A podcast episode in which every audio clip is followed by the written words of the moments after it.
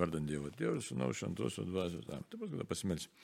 Taigi, brangieji, gerbėmiai Marijos radio klausytojai, e, vėlgi susitinkam eteryje ir laidoje katekizmo komentaras. E, tai mes darom visą laiką kiekvieną antradienį Dievas tokią malonę suteikė žvelgti katekizmo tekstą ir šiandieną vėlgi kalbėsim toliau apie katekizmą, apie maldą. Taigi sveikinu visus susibūrusius, klausančius, dalyvaujančius, Dievo ieškančius. Esam toj gyvenimo kelioniai, e, kuri nėra paprasta. Taigi šiandien vėl kartu su Marijos radijos savanoriu Edvardu bandysime tiesiog pasidalinti mintimis, išvelgti šį beitą, ką pažadina Dievas katekizmo tekstu katekizmo tekstas labai turtingas, tai kad galima kiekvieną kartą skaitant atrasti ką nors naujo ir naujo ir naujo, nes iš tikrųjų tie, kurie sustatė, tai sustatė viskupų įpareigoti, sustatė šventosios dvasios vedami, su, suredagavo. Na, bet kaip prieš kiekvieną darbelį pradant, pasimelskim, vardant Dievo Tėvų ir Sūnaus ir šventosios dvasios. Amen. Viešpatie, vienas trybė Dieve, ateinam tavo akivaizdą, tokie kokie esam ir kas yra širdyje, yra daug ilgesio, meilės troškimo, laimės troškimo. Tos mūsų širdis ir noro taip pat ir tą meilę dalintis ir kartais gyvenime nežinom kelio, kaip tą padaryti, kaip būtent šitos žemės. Ir daug įvairiausių sunkumų užgriūva, ir baimė, ir lygų. Taigi viską tau atnešam ir labai prašom per katalikų bažnyčios katekizmo tekstą. Padėk mums pažinti Jėzų apreiškimo tiesą, pažinti tave, tavo meilę, svarbiausia tavo meilę tą meilę gyventi, atlikti savo uždavinį šiame gyvenime ir pasiekti amžinį gyvenimą. To dangiškas įstėvė prašom per Kristų šventojo dvasioje. Amen. Taigi dar kartą, tai garbėsiu Kristui. Per amžius amen. Sveikas Edvardai. Labą dieną visiems, taip. Sveiki, brangieji.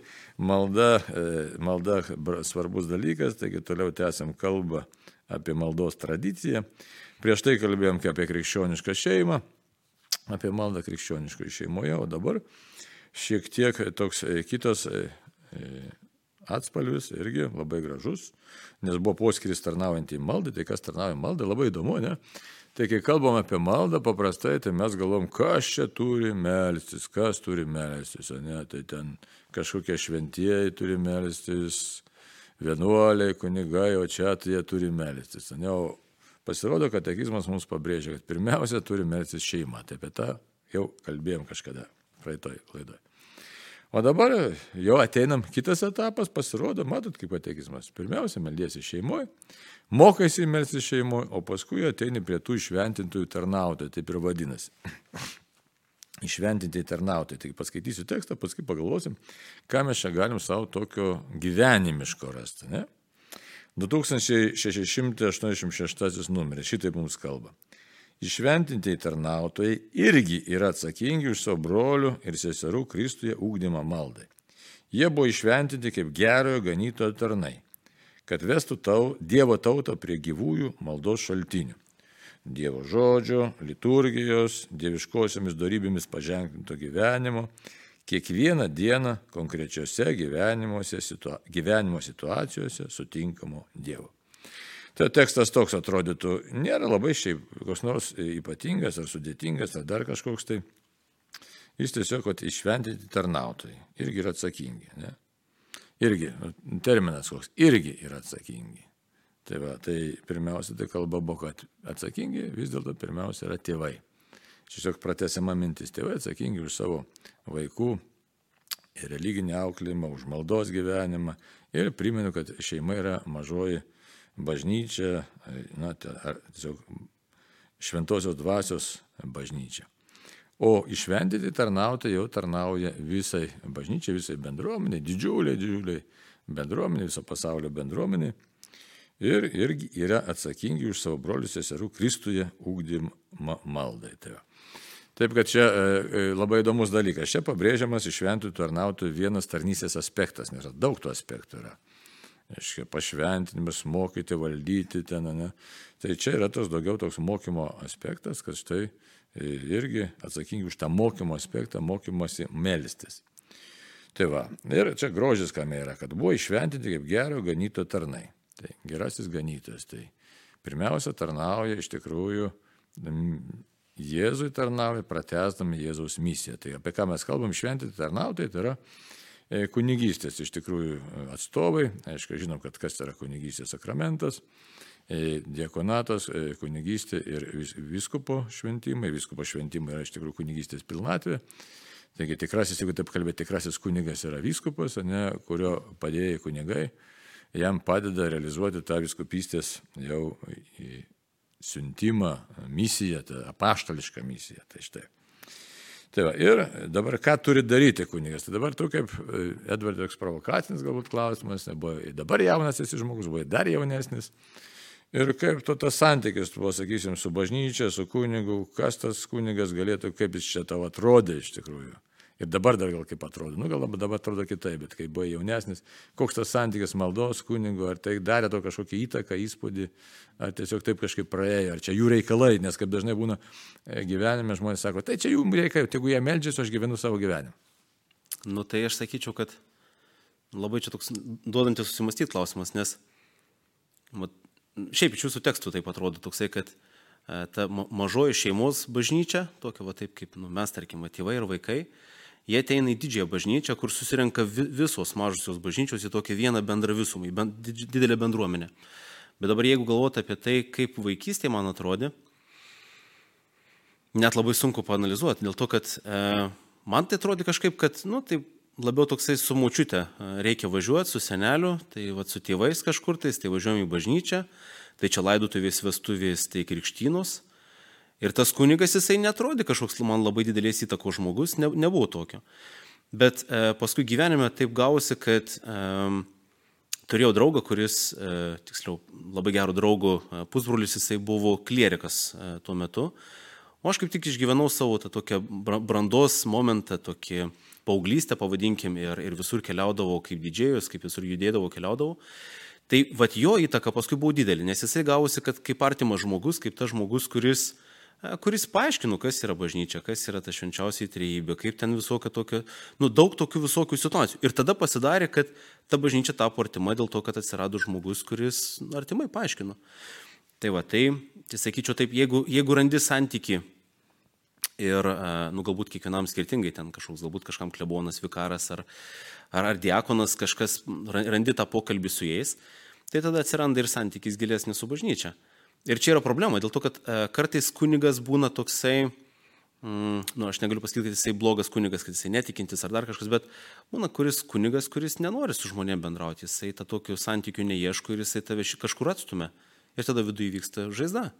Ir tada nenori ir bažnyčios, nes nu, e, paprastai, tarkim, iš jaunų žmogaus pozicijos, kada maščiau, tai jeigu tavęs nepriima žmogus, tai ir ta bažnyčia tada jinai tokia tampa Nu, įsiskaudini kažkaip. Taip. O dabar pagal katekizmo tekstą mes turim tą gerojo ganytojo įvaizdį įsivaizduoti, gerasis ganytojas. Mm. Tai toks pašaukimas labai rimtas. O ką daro gerasis ganytojas? Tai eina, ieško tos pasiklydusios avies, palikęs 99, reiškia, kurios nepasiklydo, dedasi tą pasiklydusi avį ant pečių ir dar net parsineša. Tai čia toks labai rimtas įpareigojimas mums kunigams, nes ne tik, kad rūpestį parodė, bet jau tikrai ypatinga rūpestį dar su švelnumu. Tai čia, nu, savotiškai, aš iš savo patirties galiu pasakyti, tai prašau, kad tavo jėgas, neretai, žmogiškas jėgas, ta prasme. Ir aišku, tada jau jis turi įsijungti tas, nu, dievoškas elementas, dievo malonės veikimas, kad tu tikrai turi būti atviras pats, pats tam. Bet dabar kalbam apie maldą. Tai, tai pašaukimas iš tikrųjų labai rimtas ir jis rimtas todėl, kad tai pratęsia tą misiją ir tą buvimą, kurį vaikas, nu, brestantis žmogus, jaunas žmogus, nu, tas, kuris kelyje yra. Kelyje pas Dievą, jisai gavo tą tokį pradmenis kažkokius tai gavo. Ir dabar turi aukti toliau ir tas augimas jau kur kas rimtesnis yra. Kur kas, nes šeimoje išmoko tos galbūt tokios paprastos visai. Jeigu išmoko, aišku, bet kalbam tas atveju, jeigu išmoko. Tai tokia situacija, kad štai pradėjo gavai pradmenis, išmokai tėvę mūsų sveiką Mariją, dar kažką, tai santykių kažkokio su Dievu, kaip tau atrodo, nes neretai labai vaikai gražiai įsivaizduoja tą santykių su Dievu ir labai giliai kartais ir tas labai daug nuoširdumo tame būna. Bet tai tas turi paskui vystytis ir aukti pagal šventą raštą, pagal apreiškimą, pagal bažnyčios mokymą ir eiti vis gilin ir gilin, nes nėra ribų mūsų dvasiniam augimui. Tai štai, sako, kad vestų Dievo tautą, aš šitai kunigo pašaukimas vesti Dievo tautą, vyskupo, kunigo, nu, bet kokio švento tą prasme e, asmens prie gyvųjų maldos šaltinių. Dabar tai toks yra ūkdymo elementas labai svarbus. Ir čia išvardina, kokie tie gyvėjai e, maldos šaltiniai. Sako, Dievo žodžių, reiškia būtinai šventą raštą, kunigo uždavinys supažindinti žmonės, kaip galima naudoti šventą raštą maldos gyvenime. Tai čia irgi labai svarbus dalykas, kaip naudoti šventą raštą. Nėra taip paprasta, nes žinom, kad turim jezuitišką, sakysim, nu, Ignaco Lojolos tą sistemą, arba turim tą knygelę, eigi savo kambarėlį, būtent sukurtą pagal tą jezuitišką sistemą, kad naudojant šventą raštą, kaip išmokti melsis. Ar teko kad nors tą daryti? Su šventu raštu? Na. Skaitimu. Tai tą teko daryti tik asmeniškai, niekada to dar nedariau su vaikais. Tai va, bet, e, nu, čia gaunasi, kad tas, nu, čia yra labai, labai asmeninis dalykas, dėl to, kad e, dažniausiai tai ateinu iki šventų raštų tada, kada viduje kažkokie būna svarstymai, apmąstymai ir, ir ieškai kažkokio atsakymų ir tada galvoju, kad, nu, vis tiek ten yra atsakymas, viešpatį vesk. Jo, bet yra bažnyčia, matai, čia ir už labai svarbu būtų e, ir bendrauti su savo parapijos ar su pažįstamais kunigais. Kaip panaudoti šventąjį raštą iš tikrųjų maldos gyvenime. Ir turim, kad tikrai tų sistemų. Tai aišku, labiausiai, galbūt sakytume, išvystyta yra ta jezuitiška sistema Ignacio Lojolos, e, kaip panaudoti, kaip melstis, ten būrė tokias bendruomenėlės galima, mhm. aiškiai, labai efektyvų, iš tikrųjų, mes esam darę čia savo parapiją, tai tikrai labai gerai e, aptarti, kaip jautiesi, nes keliario panauda yra, tai dabar kokia ta nauda ir susipažįsti su šventuoju raštu, ir jauties tiesiog kaip toks, nu, įžengiantis į paslaptį šventų raštą, ir jautiesi kartu su kitais buvodamas bendruomenė, nes per bendruomenę, per pasidalinimą gauni labai nemažai tokių visai kitų požiūrio tokių taškų, kampų, pasakykime, nes kitą kiekvienas žmogus šiek tiek mato kitaip, o tai veda šventoji dvasia nes yra bendruomenė, bažnyčia. Gerai. Tad kunigo irgi uždavinys būtų padėti žmonėms, ir yra toks uždavinys, padėti žmonėms būtent pažinti šventąjį raštą ir rasti daugelį atsakymų per šventąjį raštą, tiksliau maldoje su šventuoju raštu, per tą tokią mąstymo maldą. Ne? Toliau sako liturgija, ne liturgija, vėlgi liturgija dabar irgi dažnai tenka girdėti, nu dažnai neretai, sakykime, šitaip. Žmonės sako, ai, žinai, ateinu į bažnyčią, bet man kur kas lengviau pasimelsti, kai aš ten būnu vienas, nieko ten nėra, tylu, ramu, gražu. Na, o, o, o kai jau ten myšios, tai negaliu susikaupti, ten kažkas groja, kažkas kosėja, kažkas čiaudė, kažkas taip toliau. Ir, ir, ir spalvos, ten nesuprasi. Vaikai laksto. Vaikai, jo. E, kaip šitą da išgyventum dabar? Tai aš gal dar e, papildyčiau, dabar atsiminiu vieną tokią mintį apie šventą raštą. E, vienas iš, iš, iš brendimų tokiu laikotarpiu savo atsimenu, kada, mm, kada pradėjau, e, nu, kada asmeniškai tavo pradėjau Facebooką kurt ir kada tame puslapyje pradėjau kelt e, homilijas ir visokius tokius dalykus, labai iš tikrųjų gerai veikia, o dabar tik pamačiau apie tai, kad labai labai gerai veikia dėl to, kad tai padėjo susivokti. Vis tiek gaunasi, kad yra šventų raštų kažkokios ištraukos, Evangelija Ir paskui tas vat, visas homilija paaiškinimas, tas visas toksai pamokslas, jis labai labai giliai padėjo atrasti, kas yra iš tikrųjų, kas yra Dievas mano gyvenime. Tai va dabar apie liturgiją, tai e, man kaip ir visada būdavo paprasta toj bažnyčiai, man niekada nebuvo, man netrukdydavo kiti žmonės, man viskas yra gerai. Jeigu, jeigu aš atėjau melstis, tai aš atėjau melstis ir aš šitų vietų susikoncentruoju, tai ir viskas gerai. Tik e, problema yra to, sus, nu, to nusiteikimų, koncentracijos, nes dažniausiai mes patys visi atvažiuojame išsiblaškę. Ir toks atvažiuoji, tada galbūt dar kažkur vėluoji, tada skubi, tada tas toksai. Ir čia yra neretai problema mūsų pačių, tai kad mes atvažiuojam, kaip, kaip ir jaunai laidoje čia girdėjau, kad atvažiuojam savo kūną, atvažiuojam, bet va tom vidum savim mes kažkur liekam. Taip, bet tam nusiteikimui ir pasiruošimui reikalingas tam tikras ir žinojimas, žinių kiekis. Dabar koks, ne? kur aš vykstu, kodėl aš ten važiuoju, ne kad į mišes, kas tai yra? Šventosios mišios. Toliau, dabar žiūrėkite, tokia paprasta problema, ne, ne problema, bet toks irgi žinojimo, sakysim, spraga. Kur išventinti tarnautojai galėtų labai stipriai padėti žmonėms, nes sako, nu tai šventosios mišios, nu tie, kurie žmonės jau pasidomėję, medžiasi dėl maldos gyvenime, nu tai supranta, kad taip jau Kristaus nekrūvina auka arba nekrūvinų būdų atkartojama. Jėzaus auka, taip tvarkoja, čia viskas gerai komunė. Bet kai paklausė, o ką reiškia spalvos tos, ne? Ką reiškia spalvos? Kodėl žalia, o kodėl raudona, o kodėl... Nu ir ką reiškia? Ir nežinau, ir tikrai nežinau. Taip čia atrodo, tai va, kitas dalykas, sakysim, dabar, kad čia raidės ant to altoriaus, ne mūsų tas, aiškiai, ir taip toliau. Begalė tokių simbolinių dalykų, kurie kalbėtų, jeigu žmogus tą žinotų. Ne, tai. Uh -huh. O kadangi mes labai skubam, tas žinių kiekis toks, reiškia, prabėgantis, nu, ir, dalykai, kurie galėtų kalbėti, yra šalutinės, sakysim, galbūt jie nėra tikrai esminiai dalykai savo, nu, tokia svoriu tokiu. Bet jie per tą liturgiją vis dėlto kalba labai daug. Ir tokios simbolikos bažnyčiose yra labai labai daug. Ką, ką reiškia sakykla, ką reiškia, sakysim, dažnai būna bažnyčiose altorius šiek tiek pastumtas į dešinę, jeigu žiūrėti, reiškia, simetrinės ašies. Tai įsivaizduot kryžiaus plano bažnyčios, ne kodėl visur simbolika ir viskas atstovauja Kristų. Tai altorius atstovauja Kristų. Spalvos išreiškia liturginį laiką, sakysim, žalia spalva, vilties spalva, eilinis laikas, ten raudona spalva, tai visos tos šventės susijusios arba su kankinystė, arba, arba su šventosios dvasios atsiuntimu, ten violetinė spalva, adventas arba gavėnė, tai yra savotiškas suspaudimas, savotiškas, ne? Na nu, ir ką mes dar turim? Kaip sakytume, E, šitą baltą spalvą, tai švenčių, auksinė stoja visas. Tai tokie dalykėlė, kad tu matai, štai kunigas baltai apsirengęs, reiškia, nu, šiandien mes švenčiam iš tikrųjų iškilimą. Tai, tai kalėdos arba Velykos ir panašiai. Tai, tai tas tiesiog ūkdymas, e, kuris padeda mums, padeda, jis, jis nėra pagrindinis, aišku, pagrindinis yra Jėzaus asmens sutikimas. Tai čia vėlgi tas už tai, sako, įpareigojimas išventi tarnauti gali pratesti ir turi pratesti tą tokį toliau, tokį visum, visuminį tokį ūkdymą. Tai va. Dabar sako, tai čia dar ne viskas, aišku, dieviškomis darybėmis paženklinto gyvenimo. Aiškiai labai reikia siekti. Tai darybėmis apie tas darybės, tai vėlgi, tai yra pašaukimas kalbėti, galvoti, siekti, būti su tom darybėm.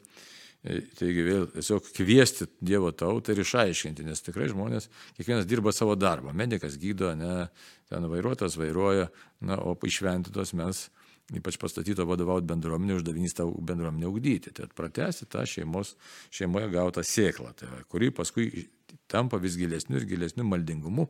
Ir įdomiausia, kad maldingumui nebėra ribų paskui, ne meditacija, paskui duos Dievas ir pasieksim kontempliaciją, galėsim išgyventi Dievo artumą. Čia kaip Dievas norės. Dar labai įdomus dalykas. Kiekvieną dieną konkrečiose situa gyvenimo situacijose sutinkama Dievą išgyventi iš tikrųjų, ne, kad padėtų tiesiog kiekvienose gyvenimo situacijose sutinkamo Dievo išgyvenimui. Aiškiai, pasitarnautų, išventintas yra tarnautas, to prasme. Tai, tai šito vietoje vėlgi, kokie lūkesčiai būtų, ne, kokie būtų lūkesčiai, na, sakysim, ateina žmogus į bažnyčią, turi kažkokį pažįstamą kunigą ar vienuolį, na, čia ne vienuolį dar nekalbam, apie kunigus kalbam. Kokie lūkesčiai galėtų būti?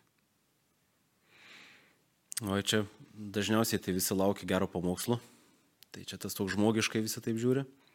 Dėl to, kad e, iš tikrųjų aš vat, atsimenu vaikystę, tai būdavo, jeigu, jeigu geras pamokslas, tai vadinasi geros mišios. Nu, ar tai teisinga, tai ne. Nu, dabar jau taip atrodo, kad ne, bet, e, bet tas toksai. O lūkesčiai kokie? Lūkesčiai tai yra turbūt sklindanti šiluma. O toks vienas žodis, nu, bendras toksai vat, teiginys, kad turi, turi sklis šiluma. Čia va tas toksai pagrindinis lūkestis. Taip, tai, o kaip padėti, kad konkrečiose gyvenimo situacijose, pabendravus, sakysim, su išventintu asmeniu, su visku, su kūniu ir su diakonu, paskui galėtume sakyti kažkaip, o čia taip bandysiu kažką tai žvelgti ir matyti. Ne? Tai nėra lengvas uždavinys, pačiam kunigui iš tikrųjų nėra lengvas uždavinys, kad tu dabar viską matai kitokiu kampu, matai per kitokią prizmę, matai per tikėjimo prizmę. Tai čia jau pakankamai daug kelio reikia nueiti gyvenimo kelio, tikėjimo kelio ir nebus čia taip paprastai, kad štai jau aš čia taip lengvai pasižiūrėjau ir susiformavau per kokias tris dienas ar tris metus, čia taip nebus. Tai čia tiesiog tik tai yra. Ir dar žmogaus lūkestis, nu, koks, kokį, kokį jisai lūkestį pats savo išsikelia, nes labai dažnai mes ateinam su situacija ir natūraliai mes norim, kad nu, kunigas pritartų mūsų mintim. O jeigu jisai pasako kitaip, kad sako, klausyk, tu neteisingai mastai, tada iš karto tas atrodo, kad kodėl jisai mane atmetė, jis man pasakė, kad neteisingai mastau. Nu taip, sukilti, gali, gali sukilti ambicijos, ne? Mhm. Ir pasipiktinimas būna, ir gal klysta, kas klysta, pasimetimo yra visko, gali kunigas klysta atrodyti, ne? gal ir klysta, o gal neklysta, ar aš klystu, ar aš neklystu. Tai čia tokios abejonės gali būti, bet vėlgi tada, aišku, pasitikrinti reikia, čia už tai yra procesas. Tai, tai vienas proceso dalis, kad išvengti tarnautojai turi tikrai labai svarbų dėmenį mūsų maldingumo ūkdyme. Juo labiau, kad jeigu mes sutinkam vienokį ar kitokį kunigą, kuris mūsų gyvenime padarė kažkokią tai, na, įtaką, ar ten, kaip pasakyti, įspūdį, ne? Tai labai įdomu, kad tai lieka visam gyvenimui. Mhm. Aš pagal savo galiu sakyti patirtį, iš tikrųjų, keletą kunigų, kurie man padarė įtaką visam gyvenimui ir praktiškai turbūt tokia neatsiejama įtaka, žinai, nes jie labai įdomus kunigai, paskui juos cituoja, kažkaip juos matai, į juos lygiuojasi, sakysim, mano pirmasis klebonas, kuriam mišiom tarnavau, tai kunigas Alfonsas Lapė, nes, sakysim, jo pamokslai buvo tikrai labai įspūdingi būdavo. Laikysin tokia labai vyriška, aš niekada su tais patarnautais per daug nesiveldavo jokias kalbas, bet ir kažkaip labai traktuodavo labai taip draugiškai. Tai šitą tokią distanciją, bet tokią vyrišką distanciją laikėsi ir mums labai įspūdį darydavo. Tai ir kažkaip suformuoja paskui tokį žmogų. Labai tvarka didžiulė bažnyčia buvo, paskui vėl supranti, kad turi būti kažkaip labai gražu, švaru, taip teisinga, bet nebuvo smulkmeniškas. Tad, mato, tokios charakterio savybės veikia. Labai daug dalykų, kurie, kurie veikia. Kita kuniga pažinojau, Nikodėmą Švaužlį, kuris buvo visiškai priešingybė lapė. Alfonso lapė, aiškiai, bet jie buvo pažįstami draugai.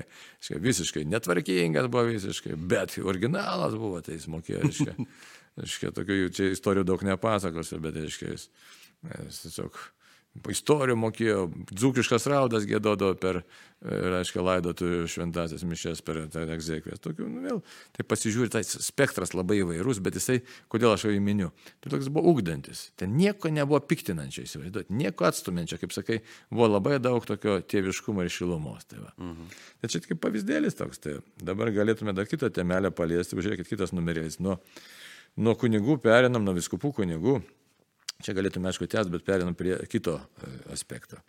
2687 numeris kalba šitaip. Daugybė vienuolių visą savo gyvenimą paskyrė maldai. Pradedant Egipto dykumų atsiskyrėliais, vienuoliai ir vienuolės savo laiką skirdavo Dievui šlovinti ir savo tautai užtarti. Pašvestasis gyvenimas be maldos neišsilaikytų ir nesiplėstų. Jis yra viena iš gyvųjų kontempliacijos ir dvasinio gyvenimo bažnyčioje versmių. Štai mes periname visai prie kito tokio dėmens, prie vienuolinio gyvenimo. Tai dabar e, mūsų e, kontekste, mūsų, sakysime, tokiam, nu, kultūriniam kontekste, kaip matai vienuolišką gyvenimą, kaip dabar žmogus, nes, na nežinau, kaip pats matai, bet kaip žmonės aplinkui mato, aiškiai, vienuolinį gyvenimą. Labai retai kas jį pastebi iš tikrųjų. Aš pats asmeniškai neturėjau jokių kontaktų, jokių ryšių iki nu, labai labai ilgą laiką. Vat kada pradėjau savanoriauti Marijos radijoje, pradėjau matyti tada vienuolius. Iki tol aš neturėjau iš vis jokių sąlyčių, jokių, jo, nieko, nu taip, ten iš filmų kažkur pamatai, iš, iš kažkokių istorijų supranti, kad jie tenais maldoje gyvena, kad gyvena tai tokioj gilioj tarnystėje. Bet iš tikrųjų tai ir dabar labai mažai žinau apie vienuolius. Tiesiog aš matau, pavienius žmonės, kurie, kurios kažkur susitinki savo gyvenime, kurios, tarkim, kažkokio tai bažnyčioje susitinki ar dar kažkur. Ir, ir tas kontaktas būna trumpas ir mažas. Dėl to tokios pilnos nuomonės apie tai, kas yra vienuolystė, kaip kas, aš neturiu. Neturiu, labai mažai žinau. Bet tik labai įdomus pastebėjimas, sakysim, tarybinis laikotarpis ypač paveikė mūsų sąmonę, Lietuvo žmonių sąmonę ir man daug kartų teko girdėti, tiesiog dabar tas tęsiasi. Toks negatyvus požiūris į vienuolyje, labai gaila. Šiek, ai, kam jie reikalingi. Kunigas, nu tai suprantam, iš čia šventina, iš čia tai. mišęs aukoja, iš čia išrišimą duoda, ta prasme sakramentinis gyvenimas. O vienuolis, ką jisai daro, tai sako, tai tokių teko girdėti e, minčių, kad tai veltėdžiai tokie nieko nedaro, tik meldžiasi, valgo, nu, žodžiu, ką jie čia daro tokia, suprantate. Ir tai tokia negatyvi visiškai nuostata, kuri ką parodo materialistinio pasaulio tokį, na, mintysę, materialistinės pasaulėdžios dominavimą, kur nėra tikro teisingo požiūrį į dvasinį gyvenimą. O čia dabar, žiūrėk, katekizmas ką sako. Daugybė vienuolių visą savo gyvenimą paskyrė maldai. Tai gyvenimas pašvestas malda bar vardan ko. Jisai toks yra daugelypis. Arba e, keli sluoksniai yra. Tai yra vienas sluoksnis, kad meldžiasi iš tikrųjų už save, už savo išganimą. Bet tas meldymas už savo išganimą nėra dar vienintelis dalykas, arba e, pagrindinis, gal net sakytum, nu, savo aišku sielą pirmiausia turi išganyti savo sielą. Tačiau tai yra visą laiką malda, gilnesis ėjimas į giluminį santykį su Dievu ir meldymasis už pasaulį. Tai aišku, kas žiūri visiškai materialistiškai, kaip dabar mes pripratę per ekonomikos prizmę, mhm. tai mes tada dažnai sakom, nu ką jis, vienuolis, taip ir būdavo tarybiniais laikais. Vienuolis negamina plytų, vienuolis nestato namų. Kas čia dabar daro? Vienuolis arba vienuolė, ne, čia meldžiasi, ne. O iš tikrųjų, kad dvasinis pradas yra pirmesnis ir kad Bet tą gali suprasti tik tai tie, kurie gyvena tą dvasinės gyvenimą, jį tą patirtį turi ir kitam už tai labai sudėtinga perduoti ir pasakyti, kad štai iš tikrųjų pirmiausia pasaulis yra valdomas dvasioje, o ne, ne, ne judesiais, ne materialiniais dalykais. Tai štai, tai štai vienuoliškas pašaukimas yra nuostabus pašaukimas, tai yra aukos kelias, nes e, tu pašventi save tokiam labai stipriam apribojimui, įžadai yra, yra E, skaistybės, neturto klusnumo. Dar jeigu jezuitai, tai pavaldumo popiežių įžadas. Ir tas gyvenimas paskirtas pašvestas maldai. Dabar ta malda gali būti įvairialypė, aišku, yra kontemplatyvių vienuolynų, kur vien tik tai malda, tai labai sunkus pašaukimas įsivaizduoti. Šiek tiek užkandai, šiek tiek pamiegojo ir buvo visą laiką susitelkęs maldoj, maldoj, maldoj, šiek tiek darbo, kad ne, neišeitum iš proto ir visą laiką maldo iš pasaulio. Tai, nes tai tokių įvairių pasakojimų yra iš šventųjų gyvenimo, kad štai e, kokia tai nelaimė atsitinka, ar ten ką. Ir jeigu mes žiūrėtume pagal švento rašto analogiją, kai viešpas norėjo sunaikinti ne, e, šitą Sodomos miestą, tai viešpas diskutuoja, aiškiai, sako, kiek čia teisiųjų, kad liktų, nu, ten kiek, ten 50, taip, toliau iki 5 atėjo, ne tie teisėjai. Tai tie teisėjai yra atstovaujantis tą faktiškai vienolyje, jinai meldžiasi už pasaulį, kaip Jėzus pagal tą pasakymą, jūs esate pasaulio druska, pasaulio šviesa. Tai, tai va, tai tie vienolyje, kurie pasišvenčia, melsis net už tuos, kurie nesimeldžia, už pasaulio išsaugomą atsivertimą. Tai va. Todėl čia, reiškia, primenami tie Egipto dykumo atsiskyrėliai. Ar teko, ką nors girdėti apie Egipto dykumo atsiskyrėlius? Tai tik tais, nu, iš tų tokių mažų kažkokiu tai nuogirdų, bet iš tikrųjų tai labai mažai. Žinau, kad jie buvo dykumos skyrė, tie dykumų tėvai tenais visokie, bet um, informacijos tai pas mane jos tokios gilios nėra. Tik tais dabar gal mintis dar tokia apie vienuolius, kad problema yra tame, kad uh, vat, mes per mažai žinom apie dvasių pasaulį, apie tai, kiek, kiek giliai tas yra uh, veikimas. Ir tol, kol pats nepajauti to dvasinių pasaulių savyje, to labai sunku įvertinti tą vienuolių darbą ir jo pastangas ir jo, ir jo maldų būtinumą. Nes kada jau pats pajunti, tada yra labai lengva pasakyti, kad taip, tai yra, tai yra verta, tai yra naudinga, tai yra labai svarbu. Bet tol, kol pats nepajutai, o kaip tada vertinti?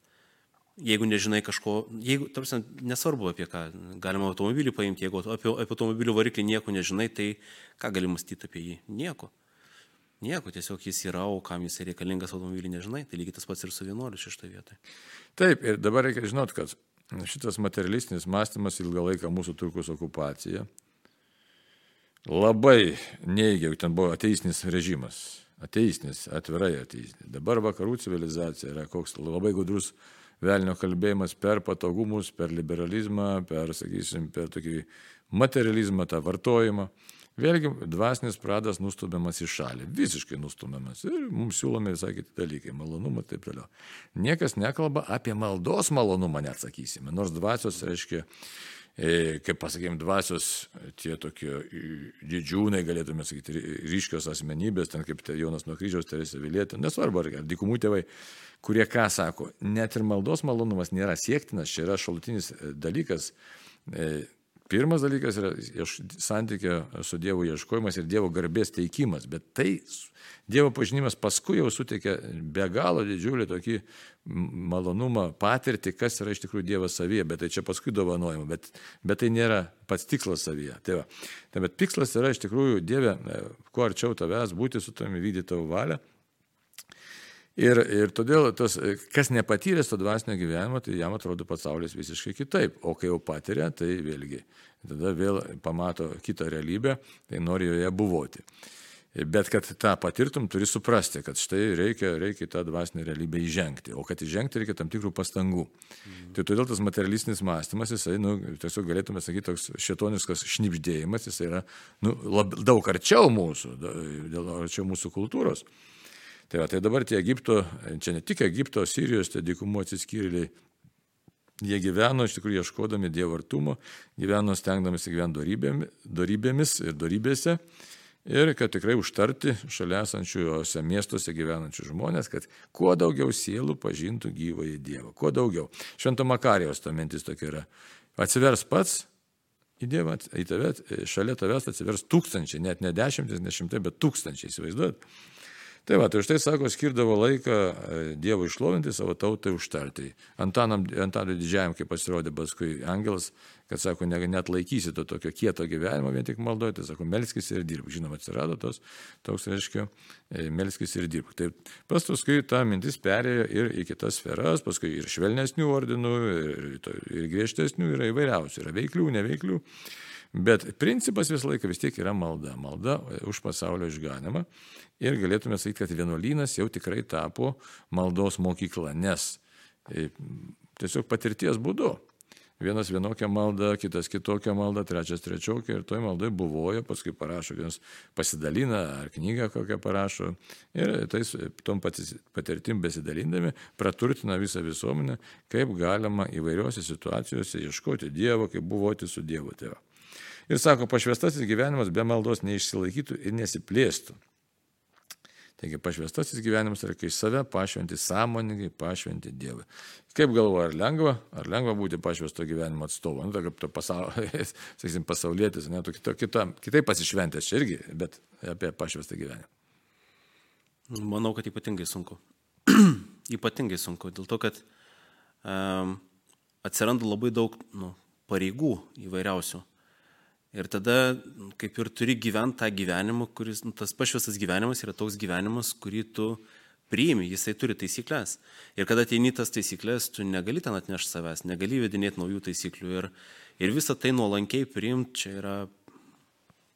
Aš, aš asmeniškai, nu, sudėtingai įsivaizduoju save. Taip, tai yra toks savęs atidavimas, nes e, žiūrėkit, kokios dėl maldos iš tikrųjų. Čia yra, štai yra, čia labai tas dar reikia pabrėžti, būtinai, būtinai reikia pabrėžti tie žmonės ateina į vienuolyną, jeigu tikras pašaukimas, ne dėl savęs, bet dėl pasaulio išganimo. Dabar ką tai reiškia? Tai tiesiog atsisakai savo valios. Ne, nes kas yra? Neturtas, skaistumas ir paklusnumas. Įsivaizduot, paklusnumas. Vyresniajam. Gali tas vyresnysis nepatikti visiškai. Hm, nu. Jeigu ne pats jį pasirenki, tai žmona ar vyra, žmona vyra pasirenka kažkiek, nu, tai suklysta. Ir tai paskui vyksta visokiausių dramų ir tragedijų. O čia dabar Tai va, taip, kad skaistumas, ne, o prigimtis savo reikalauja, ne, tai tikrai reikalauja. Žmonos norisi, ten vyro norisi, tai va, meilės norisi, ilgesiai visokiausi. Jie niekur nedingsta, nieks jų neišoperuoja, ne, tai neturtas dabar irgi.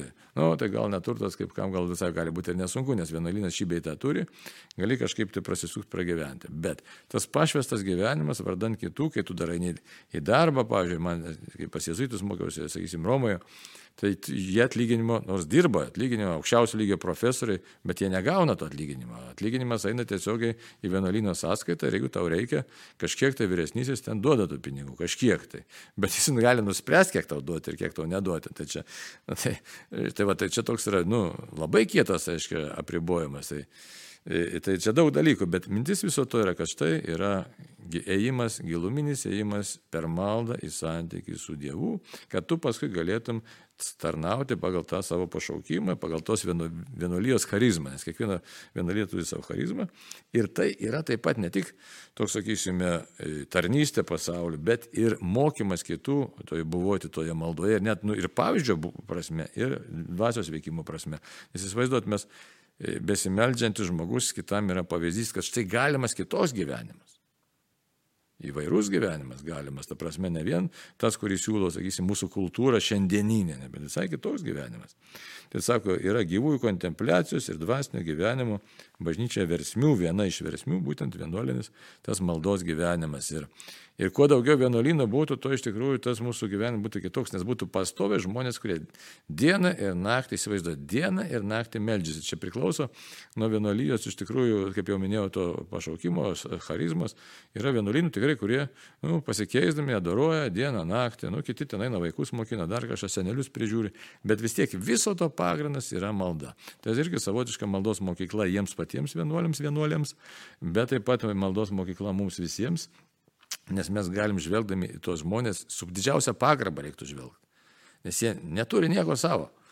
Nieko atidavė viską dėl to, kad tikrai pasitarnautų ir tuo neapčiuopiamu būdu, tai yra maldos būdu ir tarnystės būdu pasitarnautų bendruomenė, tai yra mums bažnyčiai pasitarnautų.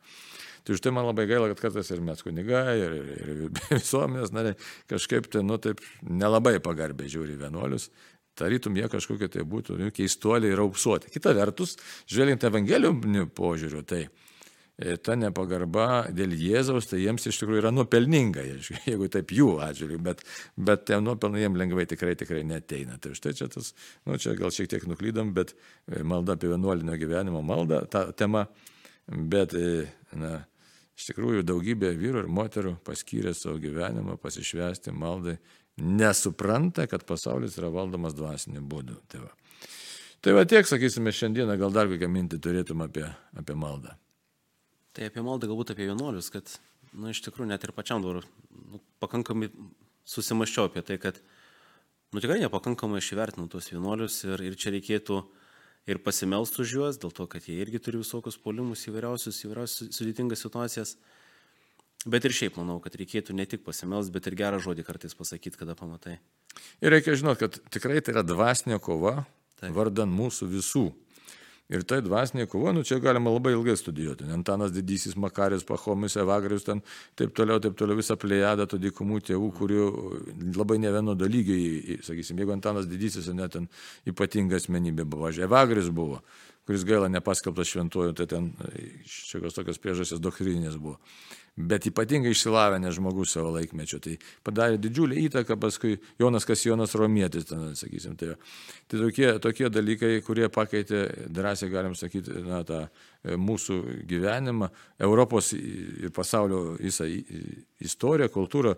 Šventas Pranciškus, Šventas Dominikas, ten taip pat vienuolinio gyvenimo atstovai. Tai, tai tas pašaukimas ypatingai svarbus Ir jisai gelbėja žmoniją, drąsiai galim sakyti, nes tai yra Kristaus kūno tokia, iškia realizacija, nu, toks žodis realizacija, galbūt šio laikinis, bet, bet jisai tiesiog Kristaus kūno tas nu, išskleidimas, įgyvendinimas būtent per atskirus asmenys, kurie pasišvenčia visiškai tarnauti tiesiog nu, virš savo jėgų tarnauti Dievui. Tai va, tai irgi mūsų maldos mokykla yra, jie tarnauja maldai ir tuo pačiu kviečia mus tokiam didesniam įsipareigojimui, sakau, mus, nes kunigas, aiškiai, nėra vienuolis, ne?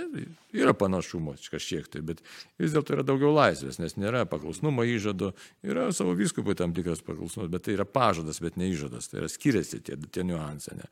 Nėra neturto išžado, žinai, tai, tai gali kažką turėti ir kaip tau sekasi, ta prasme visai. Tai, tai čia, už tai yra niuansai tokie. Tai, o šitie žmonės, aiškiai, pasiryžo tikrai pasitarnauti mums visiems savo maldomis. Tai maldos mokykla tokia labai rimta, kuri tikrai turi įtakos. Ir jeigu prisimint, tos, kiek tie vienuoliai gerą yra padarę, sakysim, nu, asmeniškai trumpai, bebaigiant laidą, tokia aldutė buvo šančiuose. Ne? E, šančių parapija, kuri begalę vaikų paruošė pirmai komunijai. Ir aš pas ją ruošiausi, tarybiniai laikai buvo, galvoju, kiek dabar kokie turbūt 69 metai buvo turbūt, ar 70, kažkas tai panašaus. Tai įsivaizduot per dvi savaitės, bet man tai įstrigo visam gyvenimui ir aš jau tada jos klausydamas paskaitėlių ir pamokėlių, aš sakiau, aš būsiu kunigas. Man 8 metai tada buvo, tai 69 metai. Įsivaizduot.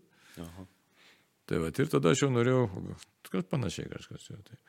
Tai vienas žodžiu, tai tokį įspūdį. Ir ką aš prisimenu, jos švelnumą prisimenu ir jos pamaldumą. Įsivaizduoju, tai. Šiluma. Taip, šiluma. Tai kągi, brangiai, tai mokykime toliau, buvokim maldos mokykloje ir ačiū už viską viešpatį, tu mūsų vesk, vesk kaip e, tas vedėjai tos šventus vyrus ir moteris pasišventusius, Antaną Didįjį ir, ir visus kitus, kad tikrai keistum mus ir per mūsų maldą keistum pasaulį ir gelbėtum. Ačiū visiems uždėmesi ir sudė. Amen.